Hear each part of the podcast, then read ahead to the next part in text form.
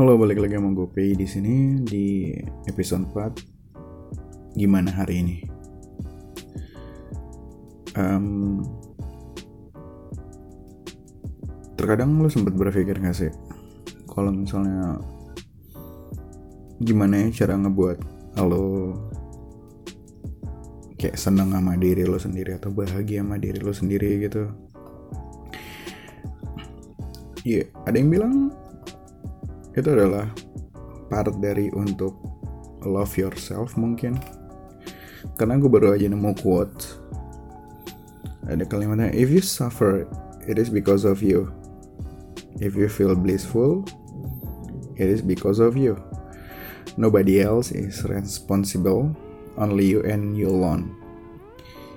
You are hell and you are heaven too.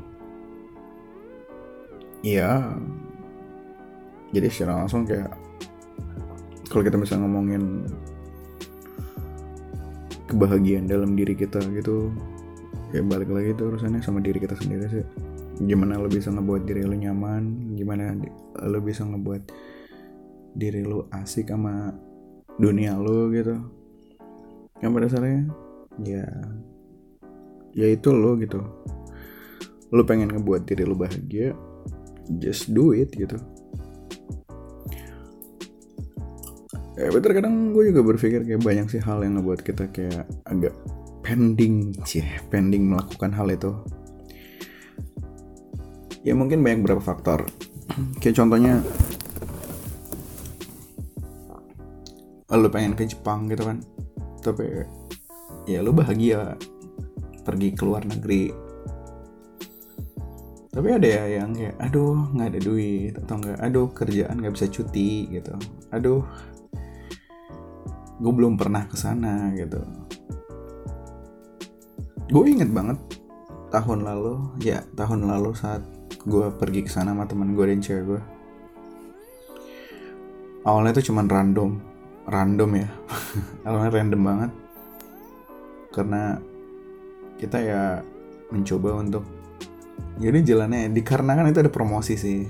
Jadi maskapai yang kita naikin cih naikin itu lagi ada promosi jadi kayak yaudah kita kita mencoba untuk beli itu dan teman gue jadi kita bertiga tuh benar-benar belum pernah ke Jepang. Jadi kita jalan aja dan kita random. Ya alhasil ya sempat kita di, di, diberhentikan di di stop di imigrasi di sana sih. Tapi ya syukurlah semuanya udah aman-aman aja bahkan gue udah bisa balik lagi dan bikin podcast gitu kan. Jadi kayak gue bisa cerita keseruan itu. Ya itu itu part of lo ngebuat diri lo bahagia lo ngebuat diri lo senang sama diri lo sendiri gitu loh. Jadi ngebuat diri lo nyaman gitu. Karena pada dasarnya? Uh, ya yang bisa ngebuat itu kan cuman diri lo sendiri gitu. Nggak nggak nggak orang lain gitu loh. Terus kayak contoh hal yang kayak lo mencintai seseorang gitu ya ada dua jenis cinta dalam hidup ini adalah yang yaitu ada yang mencintai dan dicintai ya lebih tepatnya dua jenis manusia sih. Ada yang manusia jenis mencintai dan ada manusia yang jenis dicintai gitu.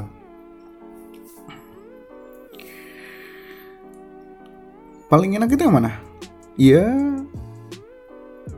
yang dicintai lah karena lo diperlakukan seperti selayaknya raja gitu. Dan lo selalu dikasih apa yang lo mau.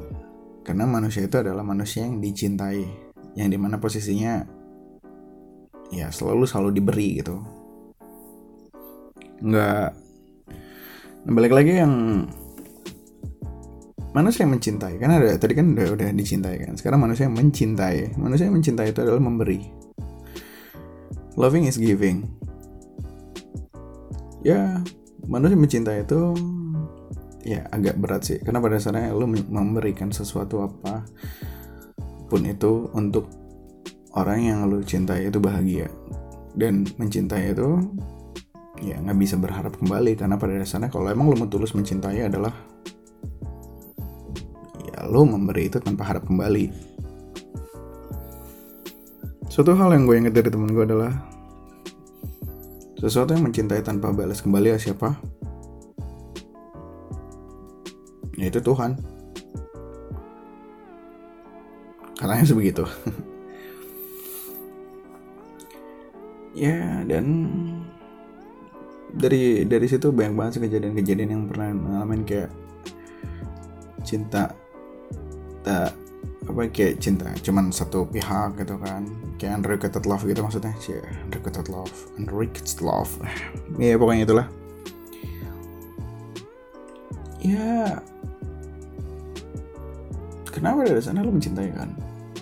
Jadi ya lo nggak usah berharap kembali gitu tapi banyak banget faktor cerita-cerita orang yang kayak aduh um, uh, eh, gue punya teman gue gue gue punya cerita tentang teman gue nih ya. Dia mungkin dia cinta sama cewek ini gitu. Teman gue cowok ya mungkin dia cinta sama cewek ini. Tapi mereka nggak jadian. Teman gue ini melakukan apa yang cewek itu minta dari menjemput cewek itu dari kantornya terus ngajak makan ceweknya dan meneraktir ceweknya itu terus gitu. Dan bahkan ya mempersilahkan ceweknya untuk tinggal di kos dia mungkin gitu biar ceweknya nggak jauh-jauh dari tempat kerjaan gitu. Ya biasanya apa-apa. Apa yang ceweknya bilang itu kayak si teman gue ini lakuin gitu. Gue pun gue pun menjudge nggak menjudge gue pun bilang sama teman gue lu you kind of stupid. Why you do that? Kenapa lu melakukan itu? Ya dia bilang selama gue masih bikin selama gue masih bisa lihat dia bahagia kenapa enggak? Gue langsung kayak oh iya sih karena pada dasarnya ya itu tadi saat lo mencintai lo nggak berharap kembali gitu. Jadi apa yang ngelakuin untuk dia ya udah tulus. Walaupun terkesan sedikit bodoh gitu. Karena kayak Iya manusia macam-macam kan. Kita nggak tahu kalau orang itu jahat atau baik. Ya kalau misalnya manusia itu baik ya dia bakal memberikan kembali apa yang lo udah pernah berikan. Bukan berarti bukan berarti lo minta berharap kembali. Cuman setidaknya manusia yang masuk akal itu sih manusia yang masuk akal. Manusia yang masuk akal itu adalah kayak dia bakal memberikan cinta lu kembali gitu. Karena dia pada dasarnya dia ya dia bakal sadar kalau lu mencintai dia dia bakal memberikan cintanya juga kalau gitu.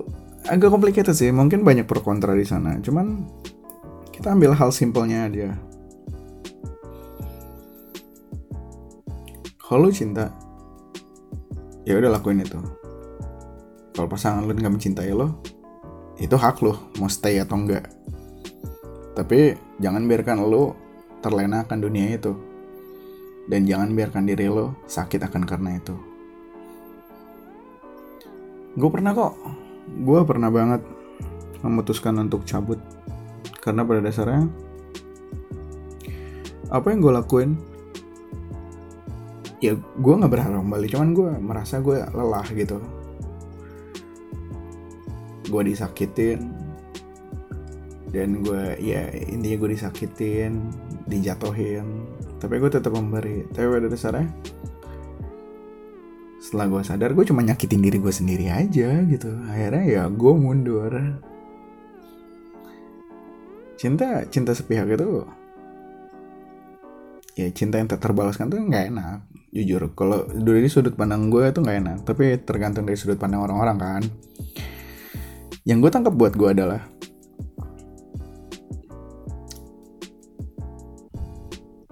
cinta itu complicated sih. Saat lo menemukan pasangan hidup lo ada yang bilang kayak hmm, itu bukan takdir lo gitu. Itu bukan pasangan lo gitu. Karena pada dasarnya apa yang mereka lihat itu nggak sama sama sudut pandang mereka sebelum sebelumnya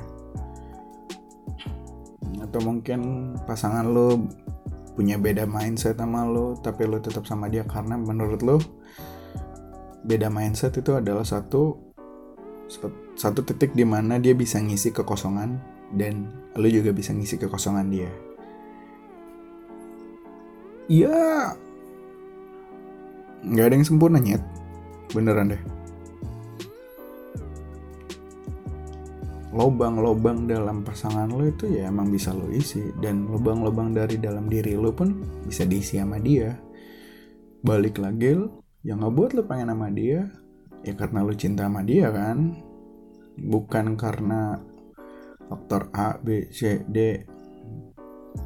Terkadang gue agak empat sih ngelihat orang yang ngejalanin hubungan sampai serius sampai nikah karena kalimat orang tua gue cuma mikir yang nikah tuh yang nikah tuh lu bukan orang tua lu. Jadi kenapa lu ikut campur akan? Maksudnya kenapa orang tua lu lu biarkan ikut campur akan semuanya gitu? Iya nggak ada orang tua yang mau anaknya susah. Nggak ada orang tua yang mau anaknya jadi nggak bahagia hidupnya. Siapa sih yang nggak mau? Gue yakin pasangan yang ngejalanin gue mereka pasti berpikir gue pengen bahagia apa pun bentuknya dengan cara gue atau cara mereka gitu. Yaitu hak mereka. Tapi terkadang orang-orang sekitar itu gue lucu gue gue sempat berpikir gitu kan. Di Indonesia ini yang nikah dua orang yang rempong tuh 200 orang gitu loh. Iya. Misalnya ada om atau tante yang nggak nggak nggak tertarik apa nggak cocok sama pasangan lo dia bakal komen ya pasangan kamu kok agak kayak gini ya? Atau nggak pasangan kamu agak begini ya? Terus kita sebagai manusia kemakan omongan itu. Banyak banget yang kemakan omongan itu terus tiba-tiba ragu. Ada yang berujung gak jadi nikahnya? Kan kampret. Apa coba? Cuman gara-gara kayak gitu dong gagal.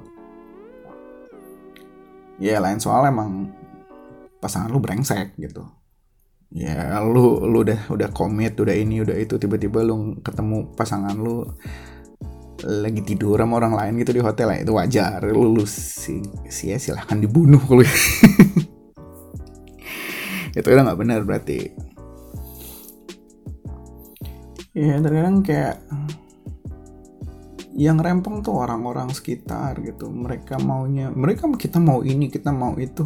Lo kan kita yang nikah kenapa kalian repot lu sama halnya kayak misalnya pasangan lu bad.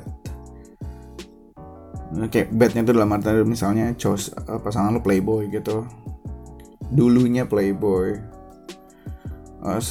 Teman-teman dia yang masa lalu tahu dia playboy. Terus lu ketemu pasang apa pacarnya atau pasangannya bilang lu tau gak sih cowok lu tuh playboy atau nggak? Lu tau gak sih cewek lu tuh playboy dulu. Ya kan? Nah ya kita sebagai pasangannya pasti ya pasti gue yakin ada bertanya-tanya lah gitu. Lu dulunya playboy emang sekarang udah udah enggak gitu? Ya lo kalau lu percaya sama dia iya kalau lu percaya sama dia ya udah gitu jalanin aja. Masa lalu ya masa lalu. Ingat kata Spice Girl? Gitu loh kalau lo mau jalan sama gue ya lupain masa lalu gue eh gue gue lupa itu lagu yang mana tapi ada liriknya itu. Kalau lo mau jalan sama gue lupain masa lalu gue yang kita lihat kan masa depan. Yang kita lihat kan ke depan nanti bareng dia bukan masa lalu yang udah dia alamin kering pahit manis asamnya yang dia itu. Buat apa lo inget masa lalu orang? Kalau pada dasarnya yang lo jalanin sekarang tuh beda sama, sama masa lalu dia gitu. Ya sesimpel itu aja. Tapi tetap banyak konflik-konflik orang yang kayak berpikir ah enggak ah. Oh dulu dia bad boy oh dulu dia playboy atau enggak? Oh dulu dia PK gitu. So what? Dude macam-macam sih orang-orangnya. Apalagi orang-orang kita gitu yang sudut pandangnya sekarang ini entah kenapa gue jadi merasa mereka jadi terbelakang gitu. Ya dengan ada adanya A, B, C, D faktornya itu loh faktor A, B, C, D gitu yang bikin gue mikir kok sekarang Indonesia jadi lemah jadi lebih blow on sih? Kayak dulu nggak gitu-gitu banget ya ya balik lagi kalau misalnya kita ngomongin gimana nya gimana kita ngebuat diri kita senang lo harus tahu apa yang lo mau bikin senang dulu. Terus kalau misalnya lo nggak bisa juga ya lo coba ke suatu tempat mungkin pantai itu. Entah itu pantai entah itu gunung. Kalau gue sih tipikal yang suka pantai sih. Jadi kalau misalnya gue butuh relaksasi atau ngebuat diri gue senang eh, ya gue melihat pantai terus lihat laut gitu. Oh ya salah satu terapi untuk nenangin diri lo adalah lo ngelihat akuarium tau. Beneran lo lihat. Dulu gue punya ikan cupang. Kampung banget ya. Dulu gue punya ikan cupang terus terkadang kalau misalnya lo ngeliat akuarium gitu dan suara gemercik air itu ngebuat diri lo jadi tenang. Dan lo bakal berpikir apa lagi yang bisa bikin lo bahagia. Lewat situ dulu gitu. Terus kalau misalnya lo ngerasa cinta lo tidak terbalaskan lo udah lo udah sadar belum kalau lo udah mencintai diri lo sendiri? Kalau misalnya lo belum mencintai diri lo sendiri lo belum bisa mencintai orang. Dan lo belum bisa mencintai orang tanpa berpikir lo harus menerimanya lagi gitu loh. Gitu.